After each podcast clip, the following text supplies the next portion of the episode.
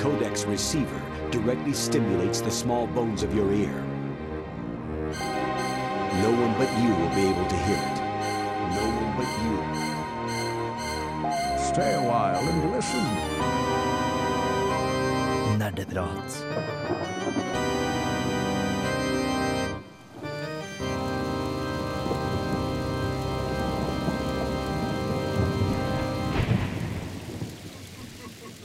Velkommen til Nerdeprat, spillmagasinet på Radio Revolt, hvor skillet mellom fritid og arbeid ikke bestandig er like klart for oss som er med i studio heller. Mitt navn er Anders. Jeg skal være programlederen de neste to timene. Og med meg her i studio eh, så har vi med oss eh, tekniker Torben T-Bone Dahl Stemmer det? og Andreas Dørum Det stemmer. og Åse Maren. Det stemmer kanskje. Jeg har ikke noe grunn, eh, grunn til at vi er litt på den stemninga her, er på grunn av at som dere sikkert har fått med dere, så blir det halloween nå snart. Og Derfor så er det litt skummelt å være her i studio for oss. Eh, for det spøker, spøker her på bygget der vi har radio. Ja. Å ja, det har ikke fått med meg. Altså, Under dusken er jo over 100 år gammel. Mm. Og det sies at eh, noen av de gamle duskerne fortsatt går igjen. Eh, Sånne kommunistspøkelser. Ja, og, og, og det er derfor, eh, det er derfor at, eh, at det er så enkelt å lage ei halloween-sending her i, i dag òg. Mm. Men, men uh, før, vi, før vi i hele tatt setter i gang med å snakke om spøkelser og sånn, uh, noe vi selvsagt skal gjøre senere i sendinga, så har jeg et spørsmål eh, til, i hvert fall til deg, Torben. Å? Ja, er du klar til å ta motta spørsmålet? Nei da, hva har du gjort siden sist? Å ja. eh, jo, jeg har spilt litt uh, Rocket League. Uh, Og det er spill som kom ut for et stykke tid siden, men som uh, ikke er noe skummelt. Og tvert imot det motsatte. Det er veldig, veldig morsomt eh, fotballspill. Det hadde jeg aldri trodd jeg skulle si. Morsomt fotballspill. men jo da. Det er men, men når du sier fotball, eh, da på en måte sier du at det er en fot som treffer en ball, og det stemmer vel ikke helt? Det gjør det ikke helt, nei. Det er eh, snakk om eh, Du styrer biler. Ja. Du styrer en bil, og så skal du eh, få ballen over i det andre målet. Og det er utrolig gøy. Det er så fast-paced og sånn I stedet for at du styrer helt lag, så styrer du bare den, den ene i en bil, så det er ikke så komplisert heller. Og liksom, jeg, jeg liker det veldig godt.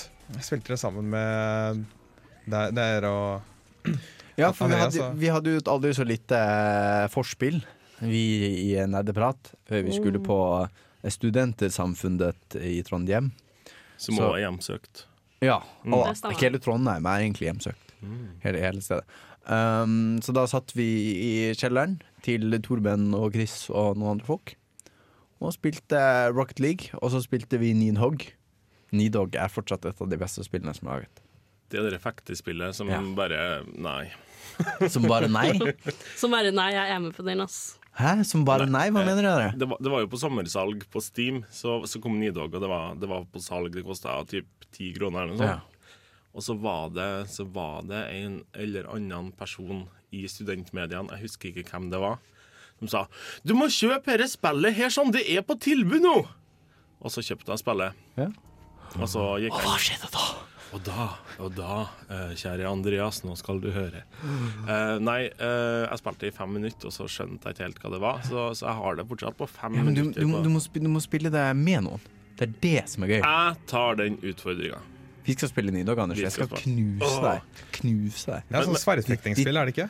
Ja, altså det, det er et min, veldig minimalistisk rendyrket spill. Der det er én mot én. Hver har vært, dere har hvert deres sverd. Man kan måtte, De eneste kontrollene man har, er opp og ned. Fram og tilbake. Og hopp og angrip. Og så er det liksom veldig kontekstuelt. Altså hvis du croucher, altså hvis du trykker nedover, så går du ned, i, liksom, ned på huk. Og hvis du da trykker angrep, så gjør du en sånn fellemanøver. Hvis du trykker angrep mens du hopper, så gjør du et dive kick. Og alt er liksom veldig Altså det er veldig få uh, input, liksom. Det er veldig få baner, det er veldig få ting. Men det er liksom all, hele spillet oppstår på en måte kontekstuelt mens man slåss, da. Ja. Mm. Uh, så det er, på en måte, det er liksom bare, bare rendyrka uh, fekting, og det er sykt gøy. Når man liksom kommer inn i en sånn flyt Når man liksom Jeg kaster sverdet, han blokkerer sverdet, ruller under, griper sverdet, sking, sking, sking, sking, og alt går liksom dritfort, og du skjønner ikke helt hva du holder på med. Og, du, og, og av og til så skjer det ting du ikke prøvde å gjøre, men det er kjempegøy. Men jeg forstår det som at du har spilt en del Nidhogg nå denne uka òg. Jeg har spilt en del, vi spilte ganske mye Nidhogg. Eh, eh, altså, Torben, du skulle jo på jobb på Samfunnet, for du er jo i flerkamera. Ja, jeg var på flerkamera på i uka. Ja. Festivalen som nå endelig er over. Endelig. Ja, jeg tror det er en del i uka som deler den oppfatninga. Liksom, uff, gøy, men nå er det endelig ferdig. Altså, det starter jo med 'den lengste uka i hele, hele året', og så etter hvert så er det sånn Lengste «Åh, den uka lengste uka hele året. Men ja, vi spilte en del Nidog. Uh, nå har jeg liksom fått blod på tann igjen, så nå har jeg lyst til å spille mer Nidog. Så jeg utfordrer deg, Anders. Jeg skulle Wow. hatt en, jeg skulle hatt en hanske og slått deg med, men det har jeg ikke. Dessverre. Ja. Du får bare en imaginær hanske. Ja, men, men det, føles, uh, det føles på samme måten som, som uh, om du faktisk slo meg her nå. Ja. Vi må bare fullføre. Vi skal, vi skal høre litt familievennlig musikk her før vi snakker videre med Åse Maren. Nå får du den hyggelige låta 'Shave My Head' av Slutface. I could shave my head for you and make sure you see me do it. Throw dishes at your head. Jeg kommer aldri til å barbere hodet mitt for deg, sang Slutface her på Radio Revolt. Og vi er tilbake i studio i Nerdeprat, eh, hvor vi barberer oss for hvem som helst. Ja. Ja, Stemmer eh, det. Veldig sluts på den måten. Ja vi er det. Hårslett. Hårsløts, ja. Mm, Men ikke på noen annen måte. Det, Bare, er- bare det, det er oss. Det er oss. Ja. Mm. Eh, Åse Maren, du er jo med i studio, og det er lenge siden du har vært her sist nå. Ja, Ja, altså- jeg har en del som jeg har spilt, som jeg, som jeg har veldig mange følelser om. Mm. eh, veldig mange varierte følelser, egentlig. Jeg tenker jeg vil starte med det minst skumle, og liksom jobbe meg litt nedover. Ja. Mm. Jeg vil si at det minst skumle jeg har spilt, det er den nye delscenen til Dragon Age, som jeg endelig har spilt! Etter ja. så lenge! Jeg har venta så lenge! Og jeg er, veldig, jeg er så utrolig blanda følelser om denne delsen her. At jeg, altså, jeg gikk i sånn ei uke etter at jeg spilte den delsen her, og tenkte på den konstant. Sant? Hva, hva, hva sånn- slags DLC er det? Og ehm, Det er veldig sammenlignbart til Citadel-delscenen til Mass Effect 3. Du har liksom en historie, da. Altså, du har liksom en quest, sånn typisk DLC-quest. Og så har du liksom litt mer sånn um, karakterutvikling med companions og sånn, da. Uh, og det er jo det som er litt sånn For BioWare har jo ikke ei god historie med å liksom fullføre historiene sine på en god måte. Eh, jeg, tror, jeg tror dette kommer til å være tema med spillene jeg har spilt, og det, det er ikke på en måte den resolusjonen jeg hadde lyst på. For i Trespasser-delen sin så går de veldig inn i liksom uh, De bekrefter en del sånn fanteorier og sånt, og det var helt fantastisk for meg, som har liksom nerda om det i sånn flere måneder nå, og endelig få det bekrefta liksom, det på papir og utvida om, da. Uh, men den karakterutviklingsdelen, der ble jeg litt sånn ikke kan Karakterutviklingsdelen, okay. da jeg vil si sånn den, den var veldig sånn Vi er nødt til å ha dette her, fordi vi, BioWare, også som et selskap, er veldig kjent for fanservice. sant? Vi må ha et, et eller annet veldig djupt Konsent fanservice, så det ble liksom på en måte utelukkende det, men de har ikke dedikert like mye tid og energi til det, så det ble liksom bare litt sånn Nå hiver vi liksom bare inn det Nei, det- det- billigste liksom, de, de, vi de er krysset på. av på en liste. Bare sånn, Ja, ja. rett og slett. Og så er det noen som får en bryllupsscene. Uh, jeg hadde lyst på en bryllupsscene, men jeg fikk det ikke. For oss Og som uh... det, og så det meste Og her er, her er det mest irriterende med spillet. På slutten av den delen så får du liksom sånn i sånn, sånn kort, sånn bilder og sånn, og så er det liksom sånn narration av sånn herre og herre, herre, herre, herre skjedd sånn utover livet til Og det har vært liksom sånn én scene til hver kampanje. Og det har vært sånn Men Hvorfor for kan man ikke fortelle kjenner det? For oss som kjenner deg, Åse, vi vet at du har brukt over gjennomsnittet mye tid på Tumblr den siste uka. Siste uka Ja. siste uka. Ja, men altså, o- o- over, over gjennomsnittet eh, for det Åse Maren har av tidsbruk oh, ja. på Tumblr. Oh, ja. Har det en sammenheng? Og så Jeg vil jo si at Tumblr er jo Nå høres jeg ut som jeg er liksom 13 år, men jeg går liksom på Tumblr for å, finne, for å få litt utløp for følelsene mine. da Og finne folk som føler det samme tingen. Og finne folk som eh, eh, har skrevet om historiene på den måten som jeg vil ha dem. Så jeg på en måte Og dette har jeg gjort med ganske mye. Jeg Dette gjorde jeg med Mass Effect 3 òg. Jeg måtte liksom fylle det hølet som den slutten uh, etterlot i hjertet mitt, da. Med sånn uh, fan, sånn fan creation, da, generelt. Ja, jeg må innrømme, jeg har lest mye fanfiction etter jeg spilte ferdig Mass Effect 3. Jeg leste mye fanfiction. Så jeg, jeg, jeg føler deg sånn på et generelt plan, selv om jeg aldri har spilt Dragon Age. Takk. Så jeg, jeg, jeg forstår deg egentlig ikke, men jeg prøver liksom. Du prøver. Jeg men prøver det- veldig hardt. Det setter jeg veldig, pris på. Eh, Mitt eneste forhold uh, til fanfiction Det er det ene kortet i Cards Against Humanity der det står Harry Potter Erotica. Og det er Har, liksom men har, du, har du ikke lest My Immortal-serien? Nei. Den er uh, Altså, jeg har ikke lest den selv, men jeg har liksom lest artikler om den som på en måte framstiller den som enten liksom tenåringscrap eller den mest elegante postmodernistiske liksom, kommentaren om samfunnet som noensinne er konstruert. ja. Nei, en, en, ene eller det andre, liksom. Det er et kunstverk. Det er kunstverk. Du må, altså, du må forst- lese den. For å forstå vår moderne tid, så må du lese My, My Immortal-fanficken om Harry Potter. Ja. Og liksom, det var veldig sånn når jeg spilte Mass Effect, at da når jeg hadde fullført med den, på en måte, min canon, da, på en Mm. måte Shepherd, så var historien ferdig for meg. Da hadde ikke jeg lyst til å spille igjennom på annen måte for å, finne, liksom, for å få de andre scenene. Og sånn er det litt med Dragon Age Inquisition òg. Bare at sånn i utgangspunktet så er det fire karakterer som jeg laga som jeg skal spille gjennom. Da. Nå er jeg bare sånn, nå har jeg spilt gjennom én gang, jeg vet ikke om jeg gidder å spille gjennom en gang til. Sjøl bare for å få liksom, det andre sluttene, da. Men, men om du spiller gjennom det flere ganger, så ser jeg veldig fram til å høre om det faktisk blir noen bryllup og sånn på deg. For jeg, Ja, men jeg, jeg, vet, jeg vet at det blir det på en annen save, så vet jeg at det blir et bryllup. Eller det blir en etterbryllupsscene. Det er det som Fordi- holder deg oppe. Nei, men Det eneste romansen som får et ordentlig bryllup, det er liksom Cullen, og han er straight. Og det, det er det kjedeligste i hele verden. Du har liksom en blond sånn Mr. Dream, en sånn perfekt prins, og det er det eneste som liksom Som kun vil være liksom med mennesker og elves, da. Og det er liksom det kjedeligste noensinne. Og dem får den beste endinga. Fuck det. Jeg, en, jeg fikk en opera-CD, for fuck's sake. Kritikk til BioWare for å opprettholde den heteronormative um, Det Ja, heter men normative Køllen skulle- fengselet! Nei, men Bioware har en historie med å gjøre um, skeive karakterer straight, faktisk. Det finnes dialog i spillet for å gjøre liksom Cullen bi. For å gjøre Altså, liksom sånn Men ikke, ikke for å gjøre den. Liksom, the magic spell. det, er mye som har skjedd. da Jeg husker I, en, i det gamle Boulderskate og sånn Så var det en ring som endra kjønnet på karakteren din. Så, så det, er jo, det er jo tydeligvis at det har blitt litt mer eh, progressivt siden da. Nei, men altså, I Boulderskate var det jo mye enklere å liksom modde inn at Modde inn andre romancer òg, da. mm. Jeg det er husker bare med, med Dragon Age Origins så modda jeg jo inn at Morgan ikke skal være straight, for jeg nekter å tro at Morgan er straight. Ærlig talt. Ærlig talt. Ærlig talt. Men nå begynner, vi å, nå begynner vi å bevege oss veldig over på, på gamle, ny, gammelt nytt her. Eh, vi skal få ganske nye, rykende ferske nyheter av deg etter eh, denne låta, Andreas. Ja. Her får du eh, Silver Sun Pickups med Circadian Rhythm på Radio Revolt.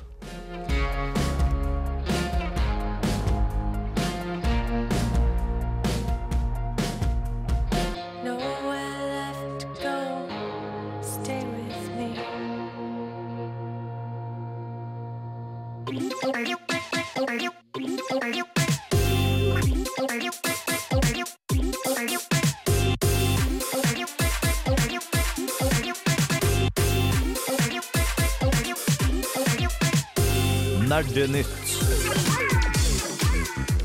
Det er, eh, det er litt av hvert som har skjedd i uh, spillverden uh, siden sist, men det bærer litt preg at nå er vi på det punktet hvor alle holder litt pusten. eh, før på en måte alle de store spillene kommer nå. I november så kommer det mye. Da kommer Fallout 4, da kommer Battlefront. Så liksom er det, det er litt som kommer, men det er liksom preget av, det. da Men vi kan eh, begynne med noen spill som har kommet ut siden sist. Skal vi kjøre Lyd, lyd. Ah, ah, lyd, lyd. Jeg vil ha ah, latterlyd. Det er fint. Uh, The Park, uh, et, skre et skrekkspill, har akkurat kommet ut på Steam. Så hvis du sitter og hører på denne eh, sendingen og tenker nå vil jeg ha en, uh, nytt skrekkspill akkurat nå, så er kanskje Park spillet du er ute etter. Og det skal vi jo diskutere seinere ut i sendinga. Ja, for du, du har spilt det, Anders? Jeg har så vidt eh, rukket og prøvd meg på det. Jeg har ikke spilt gjennom spillet eller noe sånt ennå. Men vi, som sagt, eh, hvis jeg sier for mye nå, så har jeg for lite å snakke om seinere. Ja. Da tror jeg vi, tror vi bare går det Ja, men OK, Anders, ikke bekymre deg, fordi jeg spilte Park, jeg òg. Og jeg har veldig mange følelser om akkurat det. Å nei! Overwatch har nå gått ut i closed beta. Det vil si at eh, Gått folk ut i eller ut av? ut, i, u- inn i Ah. inn i, så nå er det blitt sluppet ut til et, eh, u- en utvalgt mengde eh, spillere. Men det er ingen sånn eh, non-disclosure, så de kan snakke om det, de kan, og de kan streame det. Og eh, per eh, nå er eh, Overwatch det tredje mest sette spillet på eh, Twitch. Så det er, eh, altså det er større enn Hearthstone, større enn Dota, større enn Fifa, som har ganske mange seere faktisk på Twitch. Men forståelig nok mindre enn CSGO, da det er en eh, når Dreamhack Open er i uh, Cluj-Napoca i Romania. Jeg ser sikkert det er helt feil. Men eh, Hvis det er altså noen rumenere som hører på, hører på sendinga, så beklager vi det. vi, Men vi synes at Dracula er kul. Nå, nå veide du opp for liksom min eh, kulturelle insensitivitet. Det er bra. Men ikke dårlig av ikke, dårlig av et sånt nytt spill å allerede være så mye spilt. Et annet spill som går ut i en eh, Da ikke en eh, close beta, men en technical test, er Battleborn. Som er en ny Moba, altså Massive Online Battle Arena, sånn som Dota eller LOL. eh, som lages av Gearbox, som står bak Borderlands. Og det beskrives som en blanding av eh, eh, Borderlands og en League of Legends eller Dota. Så det blir spennende å se. Men det har en såkalt non-disclosure agreement, så de som er med på den tekniske testen, de får ikke lov til å snakke om det. Men OK, tar jeg feil nå, eller var det Ga ikke Bethesda ut en eller annen Moba som heter Battleborn? Eh, tenker du på Bethesda? Bethesda? Nei, ja jo, Bethesda gir ut en eller annen, men det er ikke Battleborn. Det er uh, Heter hva- Ja, de er, det bare, er det så forglemmelig at jeg liksom har ja, ja, ja, forveksla hva heter den, da? Men altså, det er jo Battle Cry heter den. Ja. Battle, Battle ditt, battle dot. Altså, Battle ditt, det er jo, det er jo, flere, det er jo flere Moba, eller farts, noe som jeg liker å kalle dem. Fast action-paced real-time strategy games. Ja, Farts. Mm, farts.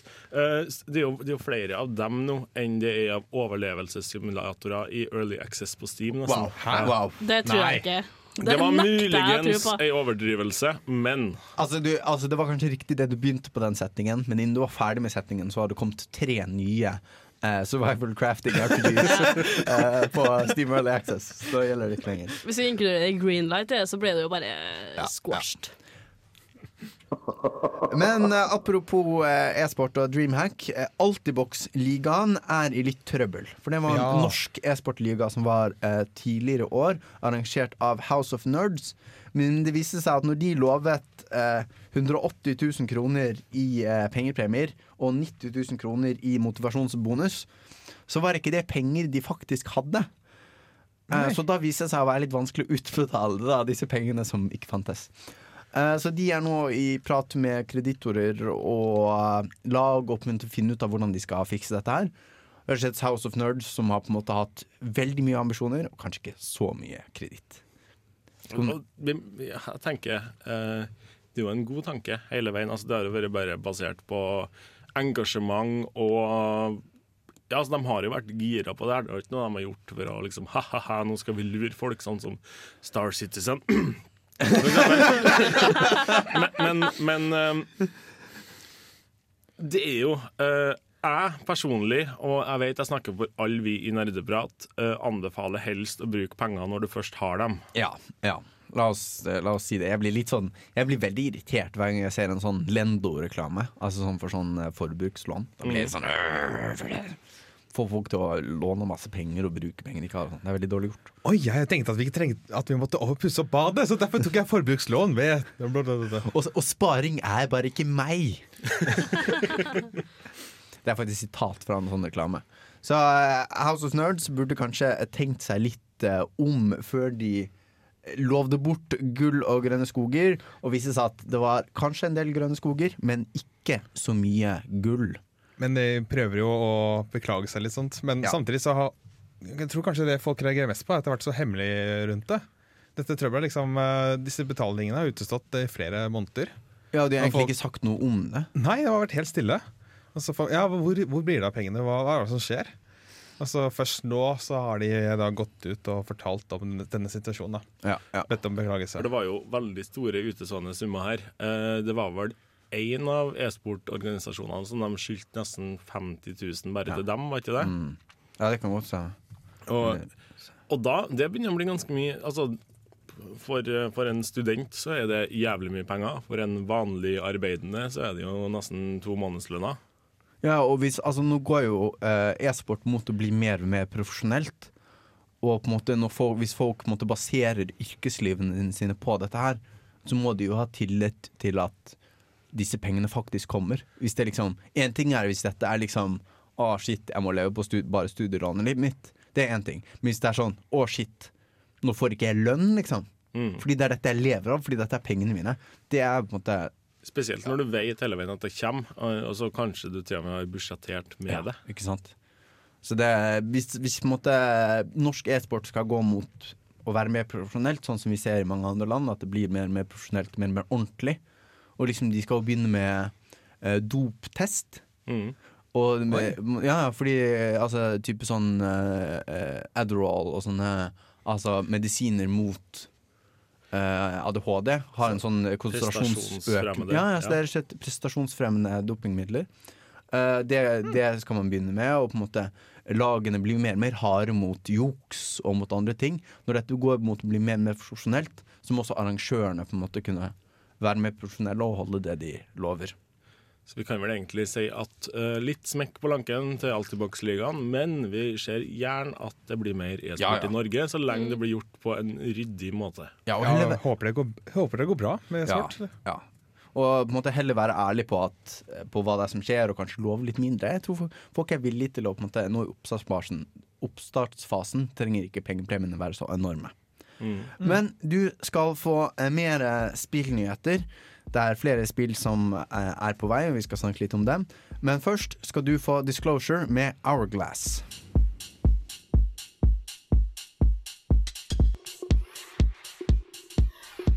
This is Three Dog, Ow! and you're listening to Galaxy News Radio, bringing you the truth, no matter how bad it hurts. Jepp, fordi det er eh, flere spill som er på vei. Uh, det er to spill i uh, Warhammer-universet som eh, kommer nå. Altså Vermintide, som er, har akkurat kommet. Det har kommet ut. Jeg vet eh, du har spilt, Anders. Ja, stemmer. Eh, og i tillegg så har vi fått en dato på Total War Warhammer. Som du også Er det første gangen Anders viser noen følelser i studio? Ja, det er ikke langt unna. Jeg, um, Å, herregud. han, har, han har vist hat før. Det har skjedd. Men eh, jeg tror- Avsky. Avsky. Ja, men, men aldri det, er kjærlighet. liksom, det bobler liksom Anders over av, tenker jeg. Hat og avsky. Men altså, 28. april så får du eh, neste Total War-spill.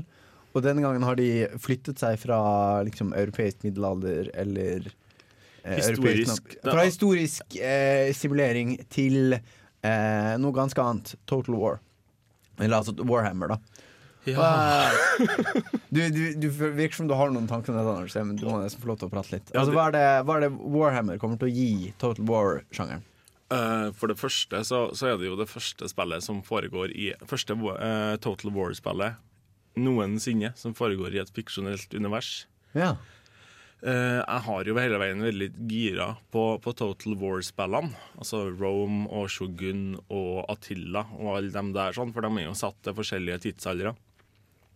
Eh, og jeg har hele tida sittet og tenkt faen hvor kult det hadde vært om det var med orker og trollmenn her. Ja, for du syns det det er litt kjedelig med bare mann i rustning, mann ikke i rustning? Nei, det er jo ikke. Altså, eh, men, men jeg ser for meg at det kunne det vært enda kulere hvis det var en trollmann der, Ja. for eksempel. Da. Eh, og nå skjer jo det.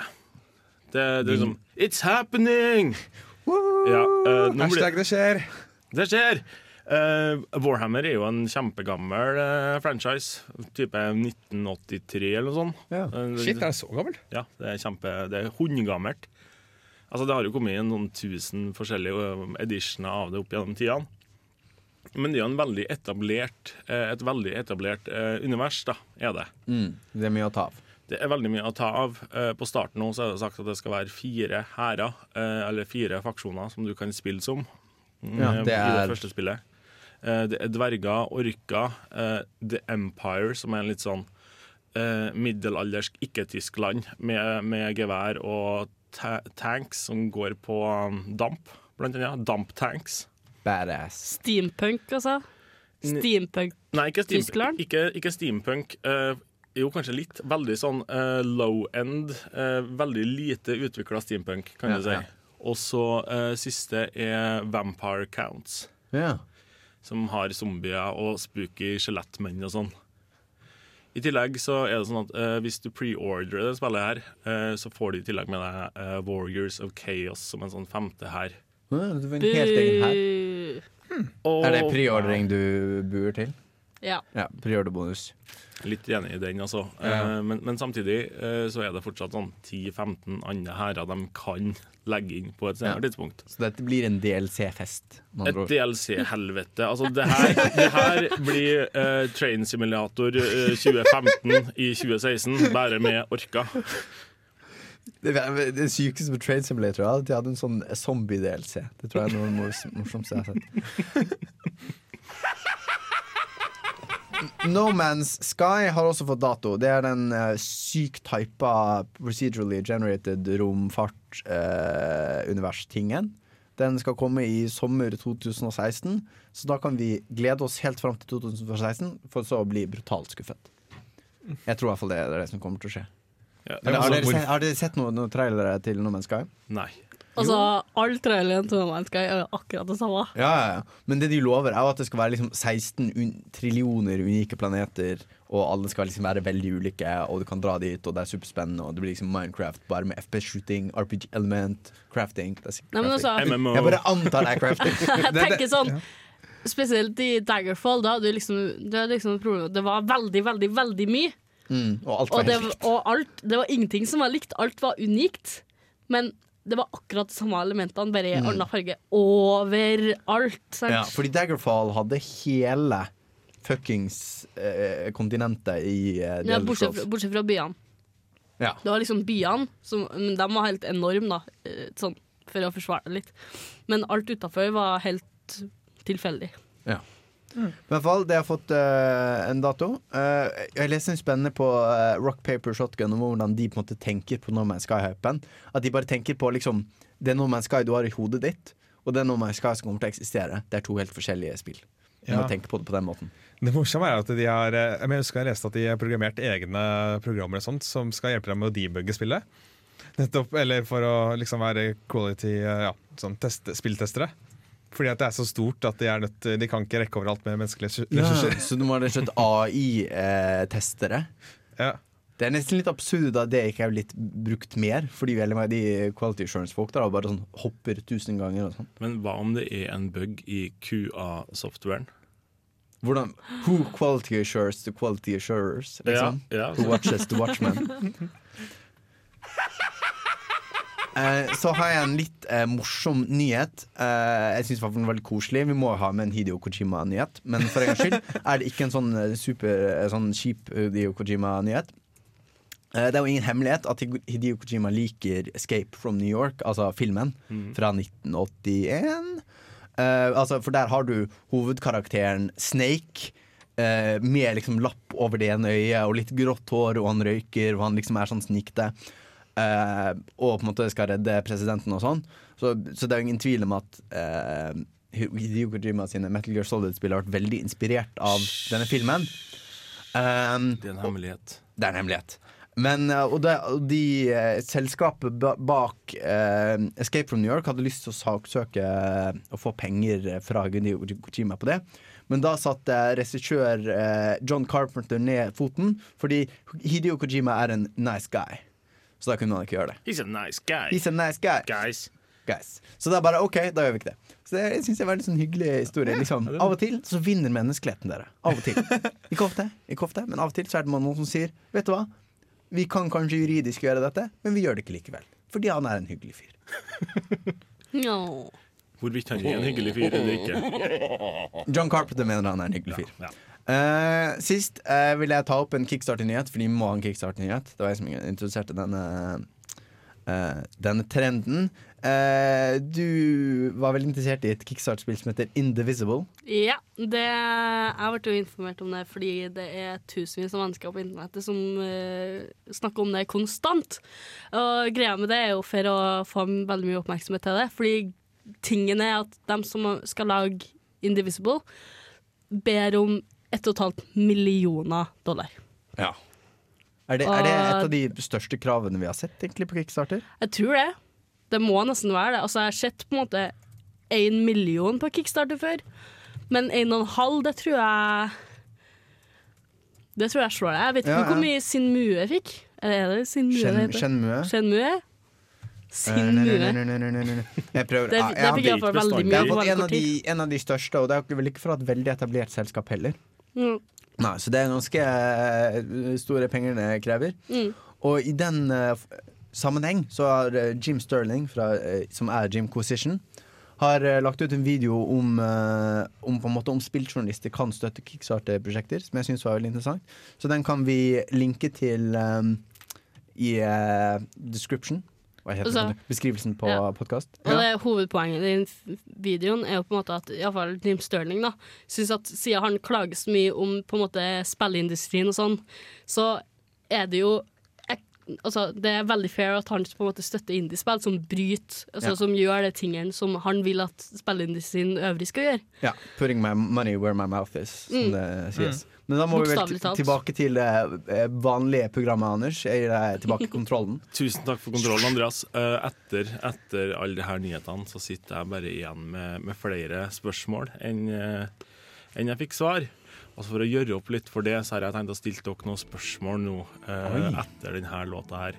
Nå er det sønnen til Bob Marley, en Damien Marley, som har slått seg sammen med Bunji Garlin, og de spiller The Message her på Nerdeprat på Radio Revolt.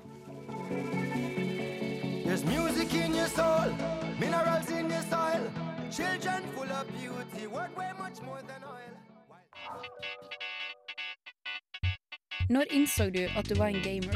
Dersom du kunne spilt kun et spill i et år Hva er det eldste spillet i backloggen din? Og du var på en øde øye i helvete mens du var 11 år gammel Hva har du lært fra spill som du har fått nyte av i hverdagen? Er det et spill som har hjulpet deg gjennom en tung periode av ditt liv? Hva er ukas spørsmål? Ja, hva er egentlig ukas spørsmål? Ja, det her var ikke ukas spørsmål. Det var bare jeg som stilte det nå. Ah. Stikk et spørsmål. Stikke, ja. Eh, folkens, er dere klar? Er det ukas spørsmål? Ja, jeg er klar.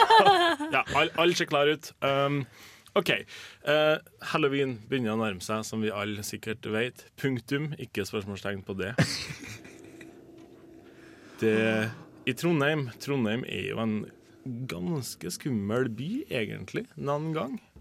Så mitt spørsmål til dere er Av alle sånne monster eller skumle, eh, onde skapninger fra spill dere har spilt, hvem er det, eller hvem eller hva er det mest sannsynlig at befinner seg i Trondheim, og hvorfor? Hmm. Den var ikke så lett. Altså, det, jeg føler det, liksom, det bør være en sånn religiøs tone her. Av liksom Ni- Nidarosdomen er en såpass viktig, Ja, også- viktig del av Trondheim. Jeg liksom- tenker, tenker de i bane med en gang, jeg. ja, altså Hvis det er noe som er hjemsøkt, så er det liksom Nidarosdomen, tenker jeg. Eller Munkholmen, eller et eller annet. Nei, faktisk. Jeg, når jeg begynte å tenke på munker, så kom jeg på noe. For det er det man kan kalle I et gammelt spill fra, som heter Harvester, som er et veldig sjarmerende, eh, ekstremt gore-spill fra 90-tallet en gang. Så finner du en sånn lodge, en sånn, altså basically frimurerne, Mm. der de liksom et folk. Så da begynte jeg å tenke sånn hvis det finnes sånn munker som liksom en, en annen, På en eller annen tidspunkt i Trondheims historie som har spist folk. Og liksom hjemsøke Hjemsøke Trondheim. Jeg prøver å tenke på eh, måte, kannibaler fra spill, for det er litt sånn hvert fall litt sånn postapokalyptiske Altså Fallout og sånn, så er det liksom det. Å ja, det er kannibaler. Det er alltid det. Når noen har en mørk hemmelighet, så er det alltid at de er kannibaler. Men jeg kommer ikke på noen. Og sånn er det, har jeg opplevd at det er i det virkelige livet også. Hvis noen har en mørk hemmelighet, så er det som regel at de er en kannibal. Ja. Um, men jeg kommer ikke på noen munker som er kannibaler, som jeg har spilt. Så jeg, jeg kommer faktisk på veldig få sånne munke... Munkekarakterer, egentlig. Men jeg har en uh, liten tanke, for det, dere vet de zombiene som er i Selda? Selda Corina of Time og sånn? Svaret mitt på det spørsmålet er nei. Jeg vet ikke. Ja, jeg har sett dem. Mm. I dere Super eh, Smash Bros-leven. Ja, blant annet. De skrik... Når du er der, så skriker de, og så går de mot deg. Så de er veldig sånn diffuse. Jeg kunne sett for meg at noe, du finner noen sånne i kjelleren på Nidarosdomen. Ja, mer sånn klassiske liksom eh, spøkelsesting, eh, liksom. At de er litt sånn gjennomsiktige og sånn. Nei, nei, de er fysiske, okay, okay, er- sånt, men uh, de er liksom undead. OK. Lange, tynne skapninger, er ikke det? Som bare reiser seg sakte opp og så begynner å sjangle mot deg. Sånn, ikke, ikke sånn Left for Dead-zombies som bare springer etter deg, Mm. men de bare går sakte men sikkert mot deg. Nærmere, nærmere. Men jeg må si, jeg syns ikke sånne undeads er så jævla skumle. Altså, uh, type sånn skjeletter og sånn, for det blir sånn in your face. Altså Det jeg syns er virkelig skummelt, er liksom sånne impliserte ting. Sånn skygger og sånn. Det er det som er skummelt. Ikke liksom «Åh, En ekkel, råtten ting. Ble. Må bare unnskylde meg litt, jeg skal bare se om jeg får fikse et eh, teknisk problem. Jeg har kommet frem til hva som er det største monsteret her i Trondheim. Det Det mest farligste, det mest ødeleggende. Det er oss. Menneskeheten.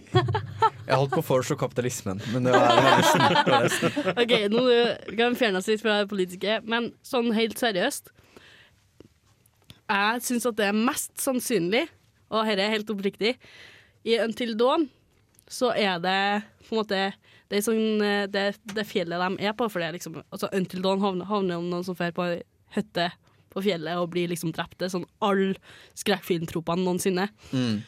Og en av dem eh, tro, altså, Eller en av de greiene som de, altså, Den skumleste greia i det, er at det er en sånn forbannelse over det fjellet. Som Mm. liksom En sånn indianerforbannelse.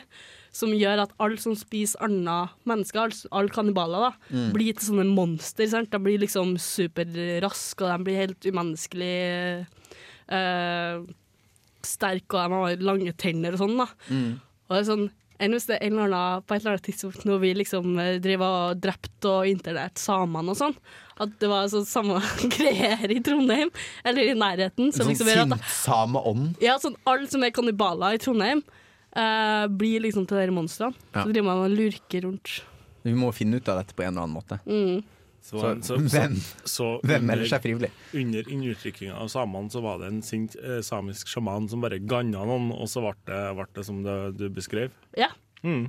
Bare ganna hele, hele Trondheimsområdet, hele En Trøndelag. power gun. Det er ganske, Ja. ja. det er ganske powerful eh, sjaman. Altså. Hvorfor finnes det ingen sånn Eller det finnes vel noen samespill, men jeg kunne likt å spille sånne samesjamanspill.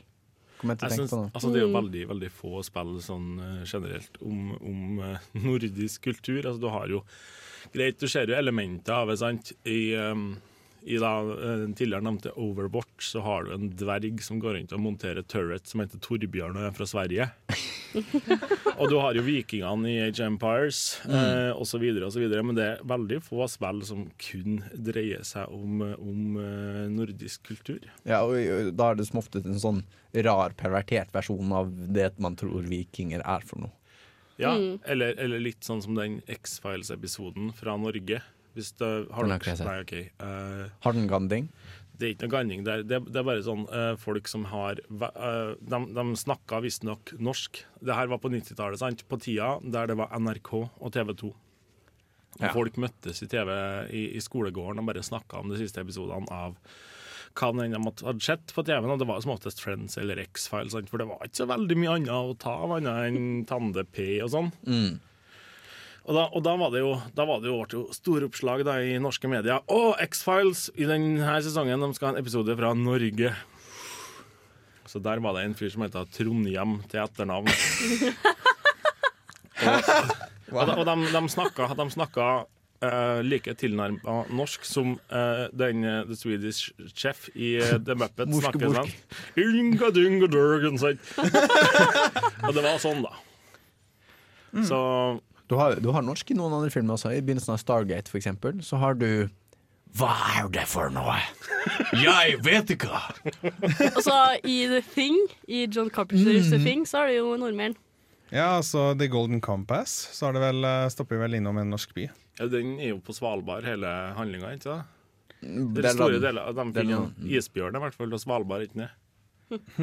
Eller pseudo-Svalbard. Men, men vi ble enige om at, eh, at det er mennesker som er ganna av samer, som er den store fienden. ja. Så vi aksepterer ikke måte, de etablerte karakterene. Her trengs det eh, en ny IP, rett og slett. Og det, det her er ikke planlagt i det hele tatt, da, men det er veldig passende at, at dere kom fram til det her svaret. For nå skal vi høre Kappekopp, som ha, da plutselig har fått en veldig temariktig låt. Den heter Human Touch. Around your throat.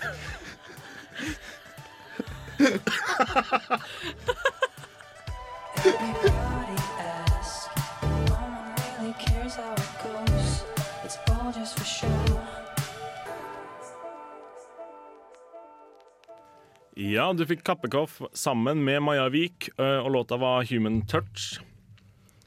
Tidligere i dag så stilte vi et spørsmål eh, på Facebook, og det ble stilt i litt, litt dårlig tid. Eh, så vi har ikke fått noe svar fra lytterne våre, så jeg må egentlig bare stille det dere som er her i studio i stedet. Ja. eh, Halloween igjen, som sagt. Hvis eh, du skulle ha kledd deg ut eh, på Nei, dere skal jo selvfølgelig kle dere ut på halloween. Men dere skal ta et eh, kostyme som er basert eh, og, og tematikken skal være et spill.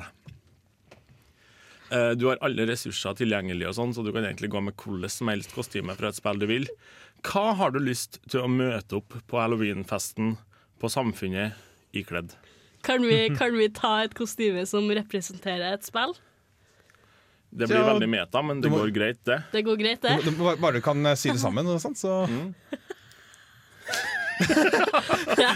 Vi kan, vi, kan ikke, vi kan ikke le med deg også, før du sier hva det er du tenker på. Fordi da har jeg tenkt Da vil jeg kle meg ut som Life is Strange episode 5. Og representere det med et, med et togvrak. Ah, Et trainwreck. Og så kan folk gå bort til deg og si Hei, du har kledd deg ut som Train Simulator 2015. hey. Det òg. Nei, jeg vet ikke hva jeg ville klemme det som. Uh, liksom Mario er jo det klassiske, men nei, nei, nei. Uh, Pokémon-trener.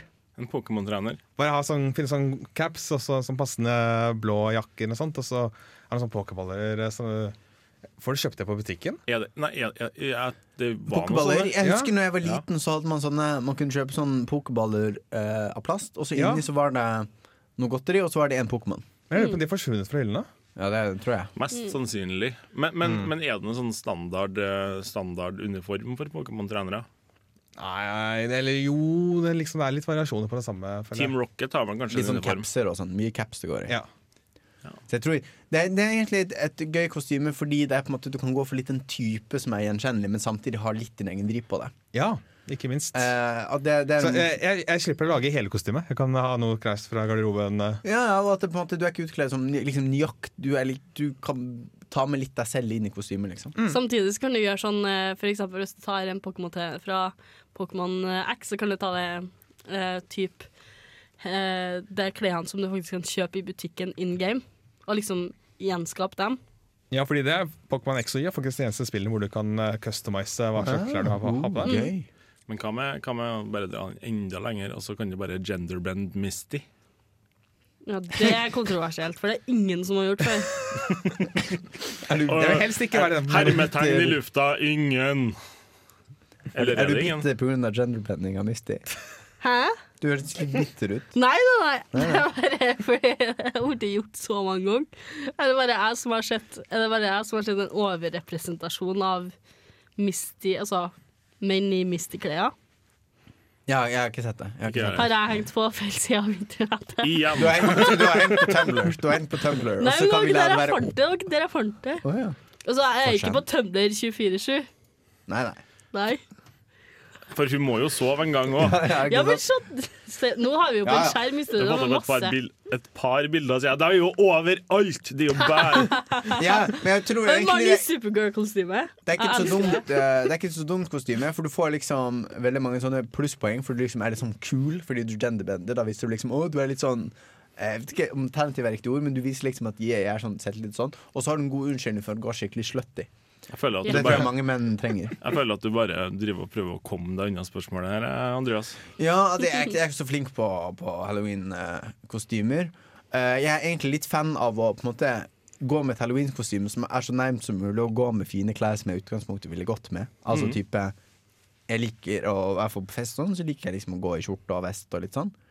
Så jeg prøver liksom å snike meg inn på et eh, kostyme som later som det er kostyme, og så er det egentlig bare jeg som kler meg pent. Skjortevest, så det du sier Men jeg vet ikke hva, jeg egentlig, hva, slags, eh, hva slags kostyme det skulle vært.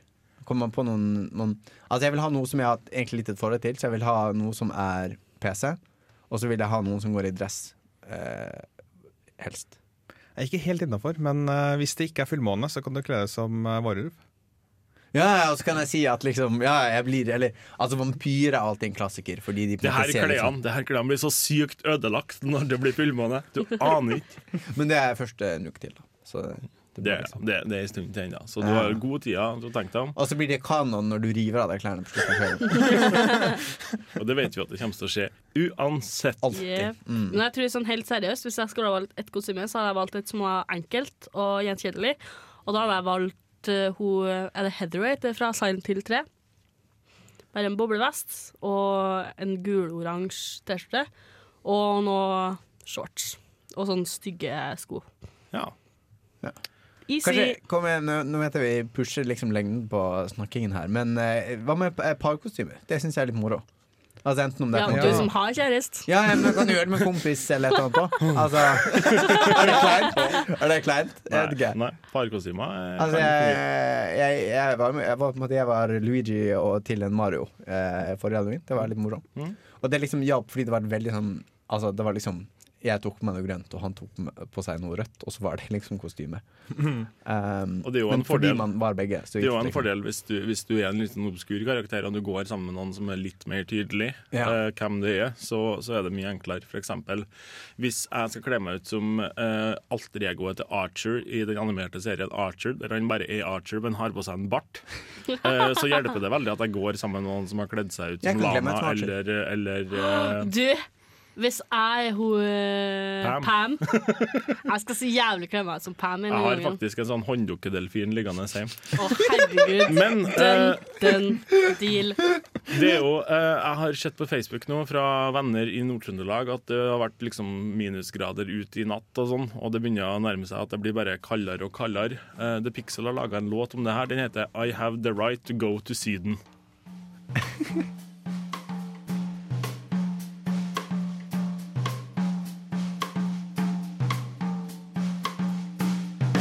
Radida til bardaga. Ja, ra ra radida. Ja, til bardaga. Nerdeprat på Radio Revolt! Ja!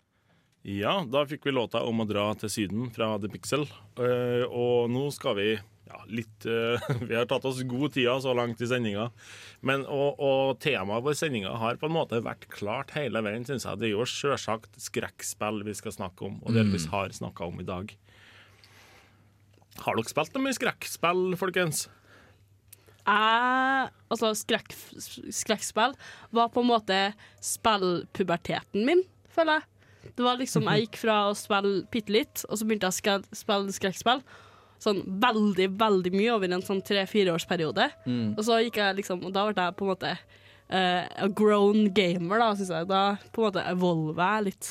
Det var liksom en periode der jeg spilte alt av Silent Hill, jeg spilte Resident Evil. Jeg gikk gjennom alt, altså dere Alice in Wonderland-aktige spillene. Alt.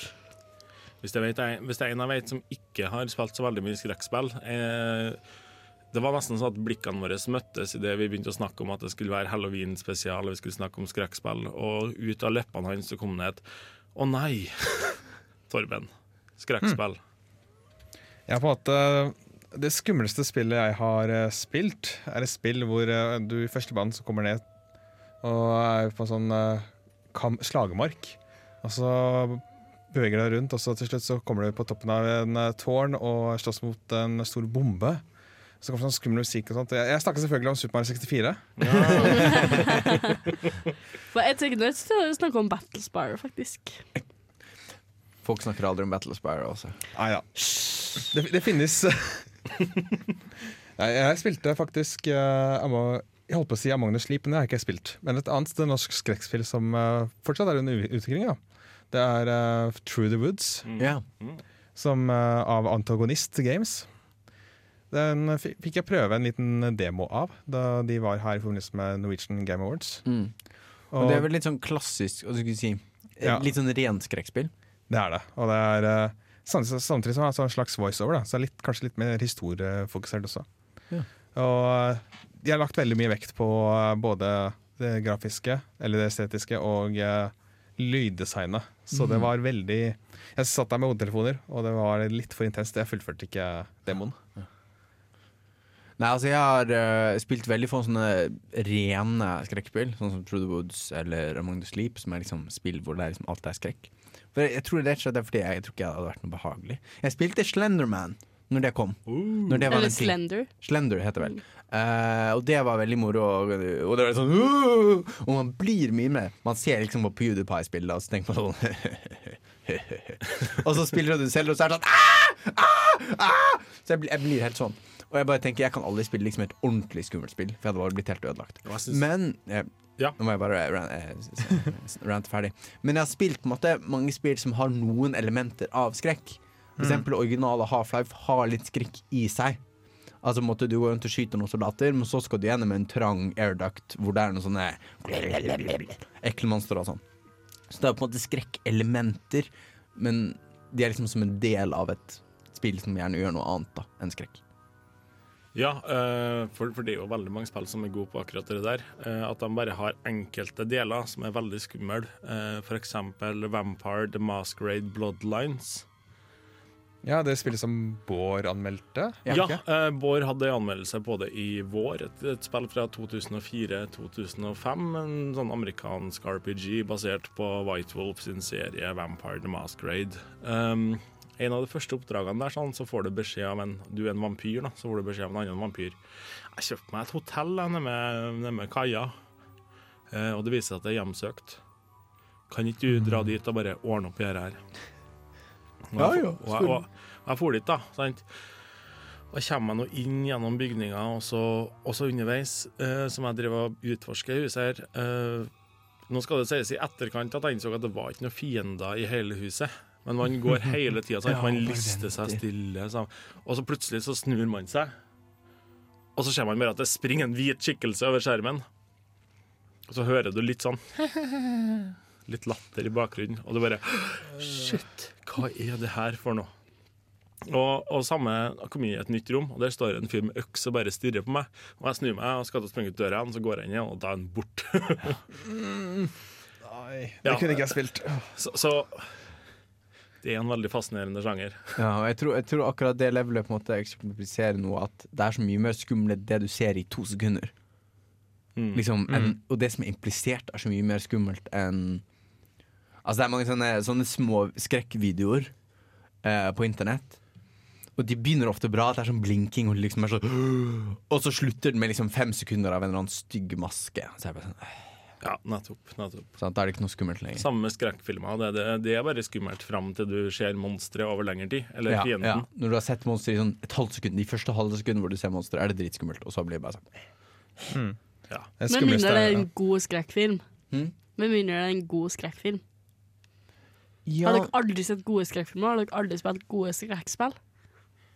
Jeg prøver å bare spille dårlige ting. Det er liksom, Det er liksom Men hva, bevisst. hva, vil, hva vil du mene som en, et, et, eksempel på en bra skrekkfilm? Altså, det jeg syns er bra med skrekk, da, det som jeg liker med skrekk, det er på en måte den, eh, det du ser for deg inni deg, da. Mm. Og så blir på en måte det oppfylt. Og så er det på en måte skummelt. Det blir på en måte Ja. ikke sånn 'Å, dere er bare en skum, skummel maske', eller 'dere er bare en, liksom, en seriemorder'. Men det er liksom en sånn konstant sånn frykt da, som man må kjempe mot aktivt. Andreas, jeg utfordra jo deg før sending nå eh, om, å, om å prøve et eh, skrekkspill nå Altså- denne uka. Altså, det, ok, da, da er jeg misforstått. Fordi jeg, jeg har laget en sak om et skrekkspill som jeg spilte for Var det, var det Ja! Var det noe jeg ikke tok nå? Eh, men eh, i hvert fall, altså, jeg har jo eh, spilt eh, Spilte Fair Mm. for ti år siden. Og den gangen så var det det skumleste jeg noensinne hadde gjort. omtrent Men du har laga en sak om det, Ja. uh, og jeg tenkte vi skulle, vi skulle høre på den saken og så snakke litt, uh, snakke litt om det spillet. Uh, først skal vi ha litt skummel, litt kjempeskummel musikk. Her er det Tim Nei. Shee som har laga De er jo fra Castlevania, så jeg antar jo at det er litt skummelt. det. Ja, Castlevania er veldig mye sånn rock og liksom barokkmusikk. Det er- Jeg liker det veldig godt. Men her får du en, en remix av Tim Shee av Nocturne fra Symphony of the Night.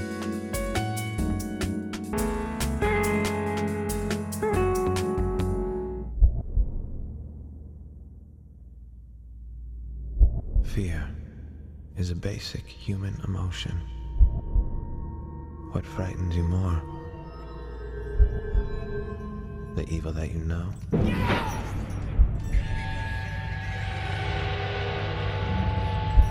Or the evil that you don't know? Det er balansen mellom ondskapen du kan se, og ondskapen som alltid er rett utenfor synsfeltet, som definerer spillet First Encounter Assault Recon Fair fra 2005. Rask hoderegning forteller meg at jeg da var tolv år gammel. Kanskje litt for ung for dette spillet. Ondskapen du kan se, er klonesoldater styrt av en gal skurk med telepatiske evner. Men med skytevåpen og reflekser som gjør verden rundt deg til sakte film, kan du nedkjempe dem. Men kan du skyte en skygge du ser rundt et hjørne? Kan du åpne ild mot knirkingen som kanskje er lyden av skritt i rommet ved siden av? Ondskapen i øyekroken gjør våpnene dine meningsløse. Jeg hopper like mye i stolen min hver gang jeg ser et glimt av en liten jente med skittent svart hår til livet.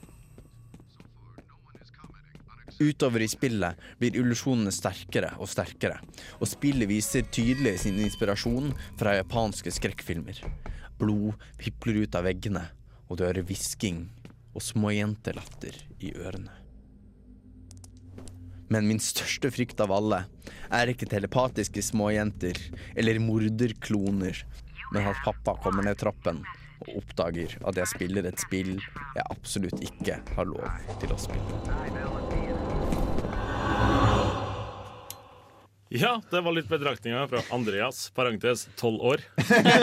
ja, for jeg dro tilbake i tid og tok Jeg hadde, jeg hadde den stemmen. Jeg, kom, jeg hadde stemmeskifte da jeg var syv. Ja, ja. Nei. Nei, så dette er en retrospektiv, da. Men, men Fair, der, der har du jo Du har jo sjøl litt sånn Litt sånn overnaturlige evner, har du ikke? Eller du Ja. har veldig sånn Eller ja, både det, og du er utstyrt med våpen. Ja, for du har, du har superreflekser, så du har sånn slow motion som du kan bruke. Og liksom, mye av combaten er ganske Altså, Jeg vil ikke si standard, for den var veldig bra, men Mm. den er ikke så preget av på en måte skrekkelementet. Det er litt sånn litt taktisk. De gjorde ganske mye spennende med liksom kunstig intelligens og sånt noe. Eh, men det er liksom tactical shooter. Uh, men det er liksom i de sekvensene mellom skytekampene, da, hvor du på en måte beveger deg gjennom eh, forlatte bygninger, og det er helt stille. Det er veldig lite soundtrack i, i spillet, så det er mye sånn Det du snakker om også, Maren, at på en måte vi Hjernen din fyller ut det rommet, ikke sant? Du liksom sitter der og hører etter lyder. Dytt, dytt, dytt, dytt, for eksempel den lyden hører man etter. Eller man hører etter skritt, eller man hører etter fiender, og så er liksom Var det noe? Jeg syns jeg hørte noe. Og så av og til så stopper man å gå, fordi man er usikker på om det er ens egne fotskritt man hører, eller noen andres. Liksom, det blir en veldig sånn dynamikk der, da, som jeg syns var veldig spennende. Uh, og så ble det en dobbelt skremmende, fordi jeg måtte samtidig eh, høre etter om Fordi jeg hadde, jeg hadde ikke lov til å spille fair da jeg var tolv år, men jeg hadde ikke lov til å spille fair. Så jeg måtte liksom alltid høre om om foreldrene mine var kommet hjem. Og, liksom, og, liksom, og det ble liksom enda skrekkelement. Fordi det ble sånn, Jeg kvepper hvis jeg hører lyder, fordi det kan være i spillet, det kan ikke være i spillet. Så det, ble en ganske intens opplevelse. da Eh, fordi jeg tenker da at, at spillet her det er jo laga mest for å skremme den som spiller. Altså den karakteren du spiller, eh, gir den noe uttrykk for å bli redd. Den er, det er en hel Altså det er Gordon Freeman-type Freeman-type stille protagonist. Altså Protagonisten heter Point Man. Altså. Han kunne, han kunne et liksom Shooty Dude. Altså. Han kunne like gjerne vært en robot i Megamann, på en måte. Ja, altså det er, måte, det er ingen du, du, har, du har en rolle å spille i historien, Mm. uh, men på en måte det er helt sånn tom eske som du fyller med liksom din egen frykt. Da. For det var det jeg tenkte her. Eh, altså eh, superreflekser osv. osv. Litt våpen. Hvis du har satt Supermann i, en, i et spøkelseshus, f.eks. Supermann hadde ikke vært så veldig redd da. Men Ja, hvis, det kommer an på hva du Altså Du har Scarecrow Mm. altså, i Batman-universet. Og på en måte man kan jo Altså Batman er ganske Han kan håndtere det meste. Men det er kanskje nettopp derfor mm, Kanskje det er frykten, når du på en måte tar noen som er vant til å løse alle problemer med å slå det i ansiktet, eller Supermann bare skyter det med laser, og på en måte Pointman skyter det med en hagle, og på en måte vant til å fikse problemer. Hva hvis du gjør liksom den deres makt helt ubrukelig? Hva hvis du tar vekk effektiviteten av nevene dine eller maskingeværet ditt? Da kan du på en måte Du kan få en slags kontrast der som kan skape frykt. Mm. Samtidig er kanskje noen av de mest skremmende spillene de hvor du har ingen evner whatsoever. Altså Slender, for eksempel. Da kan du gå, eller du kan gå litt fortere. På en måte, Det er dine egne eneste muligheter. Og det blir skremmende på en helt annen måte, fordi du er helt hjelpeløs. Mm. Mm. Men her er det kanskje den kontrasten mellom at du vanligvis kan håndtere de fleste problemer, liksom en super-mekarobot. Null problem. Granater og maskingevær. Men liksom den skumle eh, jenten som ler, eh, ler bak deg, og så snur til deg, og så er hun ikke der. Mm. Du kan ikke fikse det med et maskingevær.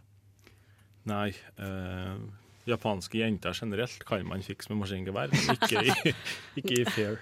Vi oppfordrer ikke til vold mot amerikanske jenter. Nei, Japanske. japanske jenter. Anerkjenne ord, ikke våres. Jeg tar det ikke.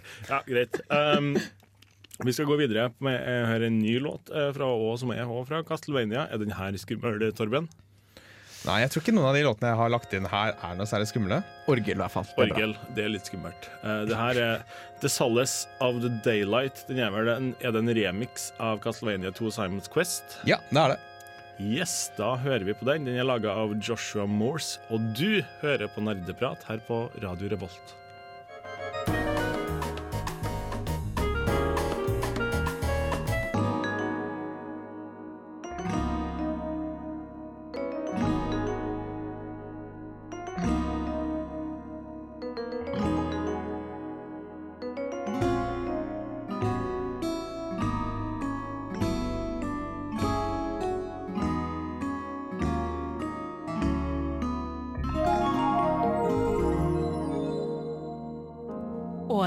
2009. Jeg satt på et svett barndomsrom omkranset det rosa lyset fra blomsterlampa på veggen bak meg. Jeg legger ikke merke til at tida går, eller at svetten renner over panna mi, for jeg sitter oppslukt av det som snart skal bli min favoritthobby, det å krangle med folk på internettet. For på scienceforums.net så raser det en intens diskusjon. Har roboter en sjel? Det var et enkelt spørsmål som lett kan besvares med 'Hvem bryr seg?' Men nei da, ikke på Science Forums. Og nå, seks år etter, så kommer de samme spørsmålene opp. Og denne gangen blir de stilt av skaperne av Amnesia, nemlig Frictional Games, i deres nyeste satting, Zuma.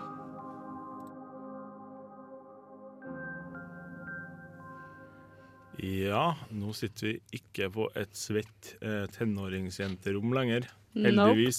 Heller ikke i rosa lys fra Ikea-lampa mi. Men hva, i, hva er egentlig Zoma, Også? Vet du hva? Zoma fremstår veldig sånn Å, nå kommer bare Amnesia på nytt igjen. Bare in space! Eller ikke in space, men underwater. Men Zoma det stil, altså, Her er ting som har vært veldig eh, Veldig aktuelt i på en måte science fiction veldig lenge, da, med Mm. at har mennesker en sjel? Har mennesker på en måte Kan, kan vi skape liv som er likt vårt? Kan roboter ha en sjel? Uh, hva, altså, Mm. For i Star Trek så har du de transportørene, sant? Mm. Her var liksom på 60-tallet. Da hadde du liksom Det var ikke at de transporterte liksom deg eller det du er laga av. Det var bare at de tok en eksakt kopi av deg og alle tankene og følelsene dine. Og så ble det gjenskapt Ja. i den andre transportøren. da Så det var på en måte bare en menneskekopieringsmaskin, på en måte. Ja, så bare sletter man den gamle kopien. Ja, og da kom det et spørsmål sånn Er det egentlig en transportør, eller blir du er det, Blir liksom deg transportert? Eller dør du og blir erstatta av en kopi av deg sjøl? Det her høres ikke så veldig skummelt ut. Det høres mer ut som en diskusjon i etikk. Jeg, jeg syns det, er det er noe av det skumleste jeg vet om det spørsmålet. Ja, men jeg syns det er fryktelig. Altså, det, det håndterer på en måte det For vi har jo på en måte hele tida tenkt at vi er en sjel, sant? At vi er oss. Og det hele verden vår er sentrert rundt det konseptet. Ja. Men så kommer det på en måte et punkt, blant annet i Zuma, da. Så blir det sånn Folk blir på, på en måte kopiert inn i en maskin, og den maskinen skal skytes opp i, i rommet da, for å overleve i tusenvis av år. Så alle lever på en måte i en simulasjon. Ja. Og da kommer det spørsmålet opp Er det folk som er i den maskina, eller er det bare altså, biten, altså kode, da, Ja. som blir simulert? Er det på en måte bare et spill? Mm. Og blanda inn i alt det der, så har du på en måte liksom monstre som du må gjemme deg fra. alt sånt der. Mm. Men det er på en måte Det er så perfekt sammensatt. Det er derfor jeg, valg, det er det. Fordi ikke bare er et veldig effektivt skrekkspill, et veldig bra laga skrekkspill. Det stiller og det veldig fundamentale spørsmålene om på en måte mennesket og vår eksistens. da. Fordi det virker som to litt forskjellige typer skrekk. Altså En ting er den skrekken sånn monster kommer og spiser meg. Æ. Noe annet er liksom Æ, er jeg bare kjemikalier i en fettklump, og alt jeg har likt og elsket, har vært en løgn, og jeg finnes sånn? egentlig ikke. Og alt er bare et meningsløst, tomt, kaldt univers. Ja, det er er- sånn det nihilistiske, det Mm. eksistensielle, sånn, den eksistensielle frykta til mennesker. Sant? Ja. Og jeg tenker bare når robotene på en måte For i Zuma så har du liksom Da blir det en sånn diskusjon da, mellom protagonisten og hun Catherine, da, som er en sånn AI, som er en kopi av seg sjøl, som er igjen i en robot en eller annen plass som, som bare driver og fikser ting. Sånn, Mm. er det Catherine, eller er det på en måte bare AI-et Catherine? Er det på en Mm. måte et menneske? Har de på en måte menneskelig verdi, da? Sjøl om de er laga av andre deler enn oss. Det, nå kommer jeg til å tenke på en sekvens i Borderlands The Pre-Sequel.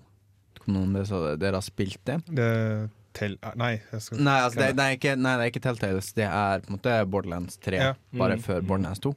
Uh, men da er det også en sekvens med kunstig intelligens som er noe av det på en måte jævligste jeg har følt meg i et spill noen gang. Det er på en måte så eh, spennende at et, Ikke for å nå drailer jeg litt, merker jeg, men altså at selv i et spill som på en måte er litt sånn wacky og litt morsomt, så kommer det av og til en sånn bare en sånn sorg. Er egentlig det beste ordet. At du liksom bare eh, Oh my god, hva slags fryktelig vesen er jeg? Mm. Og det er, det er interessant å se et spill som på en måte kombinerer begge de typene skrekk. da Altså Ja. både den Æh! skrekken og den åh, skrekken. Hvis Altså, det, det blir på en måte den sårbarheten, sant? Ja.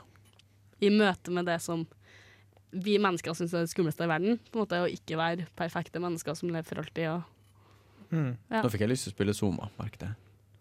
gjør det. Men du kommer til å føle deg helt jævlig. I hele, altså, under hele Zoma så tar du valg da, som går veldig på dette. Gjør jeg noe nå som innebærer Vil det være et drap? Mm. Er det bra, eller er det dårlig, da? Men er det en form for sånn katar katartisk eh, jævlighet? At du liksom får det litt ut av kroppen? Eller er det liksom Nei. bare at det knuser sjelen din? At det bare knuser sjela di over og Hmm. over igjen. Nå vet jeg ikke om jeg har lyst til å spille spill. Jeg skal tenke på det. Altså, jeg føler at jeg er så vant til å få sjela mi knust av spill at det, det blir på en måte litt sånn Du, du har fått sånn regenerating soul, liksom? Ja, sant? Jeg er bare, jeg er bare en container med sorg og knuste drømmer og tapt håp. Dette er, dette er den lykkelige sendingen, dette. Andreas Åse, jeg syns dere har en veldig, veldig fin, uh, veldig fin moment nå. Uh, og vet, vet du hva jeg syns er skummelt? Det er den personen som har lagt inn alle låtene vi skal høre på. Uh, Meg? ja. Den låta her heter 'Take Back The Tears'. Det syns jeg passer veldig godt i forhold til det dere snakker om. Kommer, jeg, jeg, skal ikke engang begynne å si at det her er skummelt. Uh, Joshua Morris spiller Castlevania igjen, og han nærmer seg Anthony Lofton denne gangen.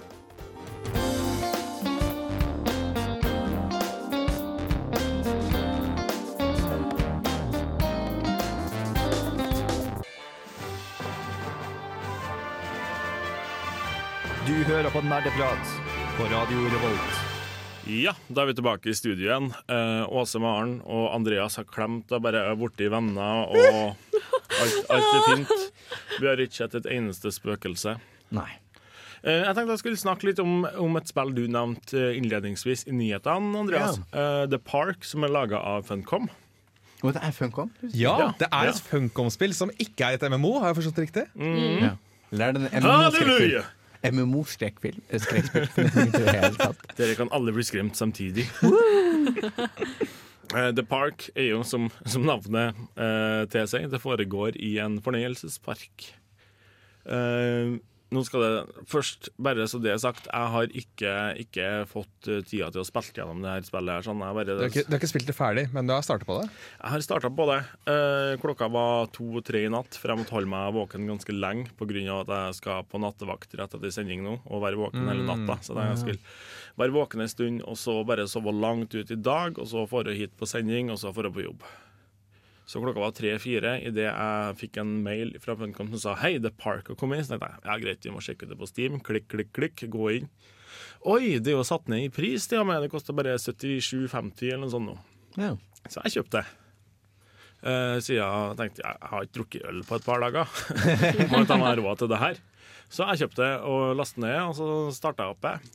Og det første som skjer da, er liksom eh, Det dukker opp eh, noe, noe eh, tekst på skjermen som sier at det her spillet er best hvis du sitter i et mørkt rom. OK, greit, jeg snur meg, eh, slår av lyset med hodetelefoner på. Greit, det. Eh, hvis du opplever at det skjer noe rart på skjermen, eller noe sånt, så er det meninga. Det er ikke noe i hodet ditt, det er ikke noe galt med deg, det er vi som har laga det sånn. OK, greit.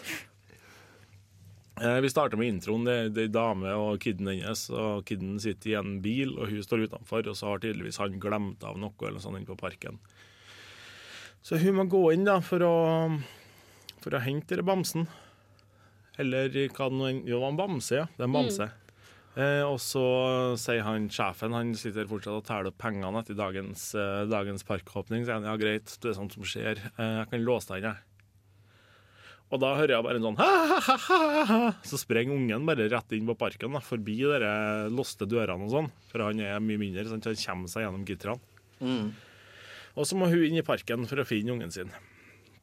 Eh, så spilte jeg sånn ti minutter etter det, og så var jeg litt sånn eh, Sitter noen og stirrer meg over skuldra nå? Hva er greia? Så, og så så jeg jo at, fikk jeg melding på Facebook at hei, folk sitter og streamer Overwatch, kom og se på det. Så jeg satte spillet på pause, og så har jeg til gode å spille resten av spillet ennå.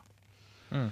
Eh, det jeg tenkte nå var at vi kunne bare høre på, bare høre på den introen uh, som Funcom sjøl har laga til The Park. Og så kan Du har spilt det litt også, Maren, Mm. så vi kan snakke litt om det etter, etter det her.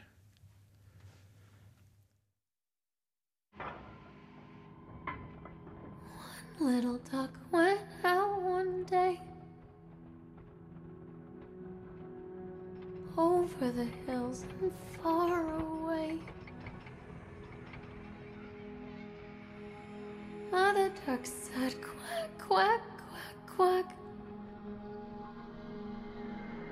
No little ducks came back.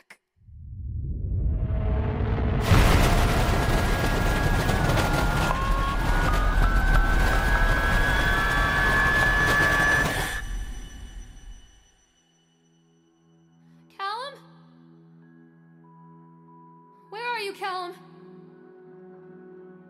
Don't leave me here, Callum.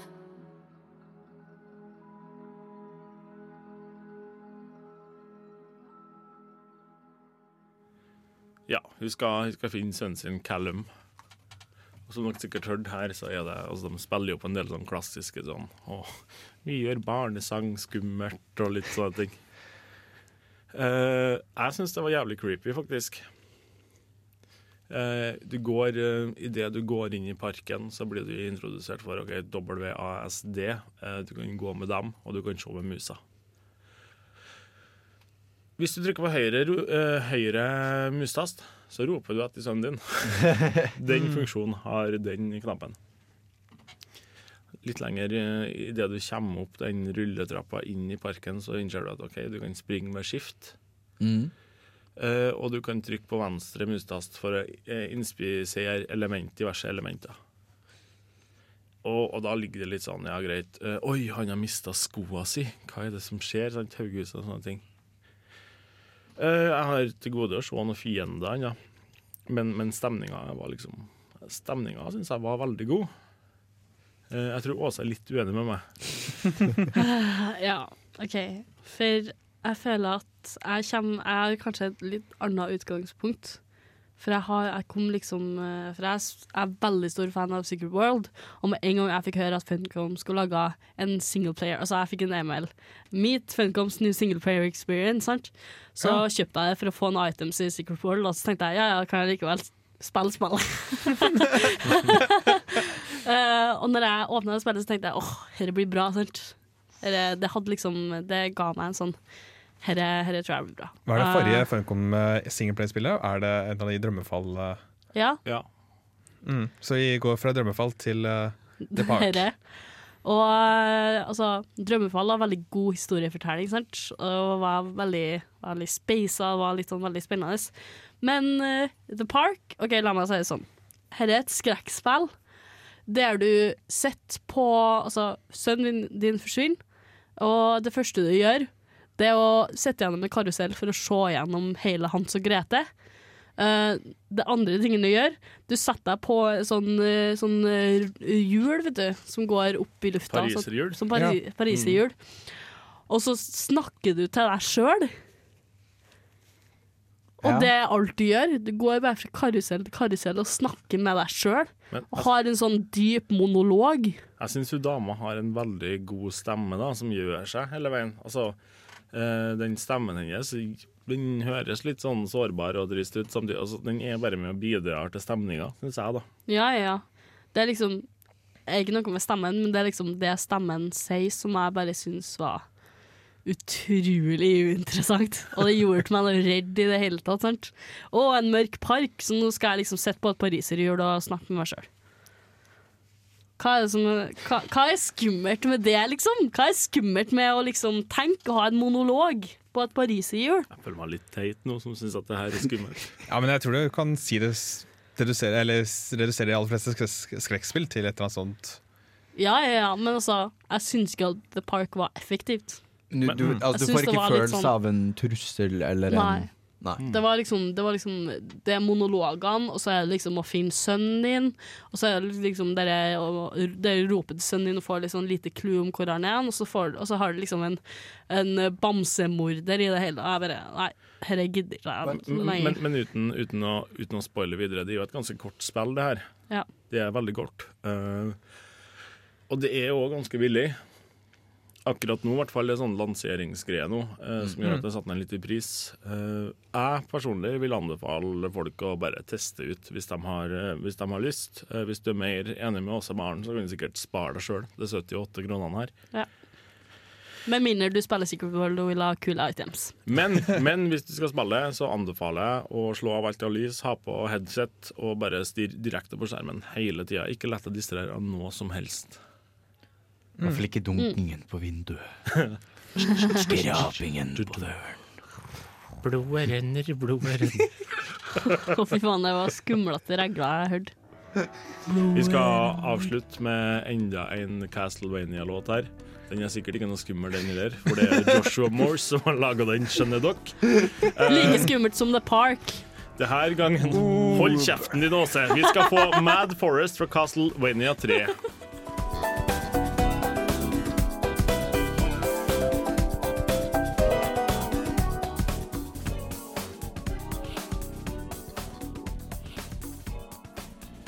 Klokka begynner å nærme seg sju og et halvt minutt på sju. Og vi er snart ferdig her i Nerdeprat.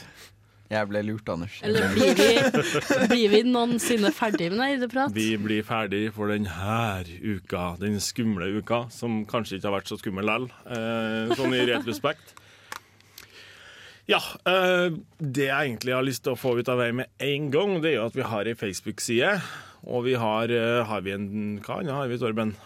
Har vi Google pluss? Uh, Jeg tror vi har Google Vi, pluss. vi har Google Pluss, men jeg oppdaterer den ikke noe særlig. Og det er det skumleste jeg har hørt denne uka, at Google Pluss er fortsatt noe vi bruker. Ja, det det skumleste jeg har hørt denne uka, er at uh, vi har nesten ikke noe reviews på iTunes. Det må dere gjøre noe med. Rate oss på iTunes, så Ja. flere folk finner ut av podkasten vår. Ja, hvis, hvis du legger inn en anmeldelse på iTunes, så, så er det gjerne flere som eh, oppdager oss. Ja. Så hvis du synes at det er greit å høre på Nerdeprat, og kanskje flere hadde hatt glede av det, så er det en veldig nice ting å gjøre. Og hvis det ikke er tilgang på iTunes eller noen Apple-saker, så kan du gjerne anbefale det til en venn eller noe sånt. Fire av fire nerder i studio anbefaler deg å høre på nerdeprat. Ja. det kan jeg garantere deg. Og det hadde vært fint hvis iTunes hadde gjort det samme. Mm. Men eh, hvordan skal dere feire halloween, da, folkens? Um, jeg vet ikke om jeg, jeg kommer til å gjøre noe halloween, for min mormor har bursdag. Uh, så det blir Uh, skummelt. uh, så uh, Så det blir kanskje litt sånn koselig middag og sånt. Mm. så, familien min er ikke så veldig skummel. Eh, så det, det blir nok det, det. det er du som er den skumle i jeg er ikke, kanskje den skumleste i familien min. Mm. Det er faktisk godt mulig. Um, og jeg er også veldig skummel. Jeg, Nei, jeg syns dere er skummel. Nei, ikke sånn veldig, veldig skummel. Jeg syns det er veldig skummelt. Ja. Du er skummelt smart. Åh. Oh. Oh. Får vi komplimenter og sånn på slutten? ja. Nei, det er fint. Det er viktig. Det er viktig. Torben, skal du feire halloween? Det vet jeg ikke. Jeg har ikke noen planer akkurat nå, så jeg er åpen. Jeg har heller ikke noen planer bortsett fra å se masse skumle filmer hvis jeg ikke gjør noe sosialt. Ja. Hvilken skummel film eh, vil du anbefale? Skumle film som jeg vil anbefale, Babadook. Babadook? Og så vil jeg òg anbefale å bare spille Until Dawn, for det er så å si en film, det òg. Hvis du har en PS4, da. Så klart. Det er ikke en film hvis du har det på et annet. Ser, seriøst, er det, er det alt du har Du har sittet og snakka veldig lenge om skumle filmer, så er det, har du bare én eller to anbefalinger å komme med. Jeg er veldig skuffa. Vi avslutter, vi avslutter her nå med. Father John Misty og The Memo, og med det så sier jeg ha det bra. Ha det bra!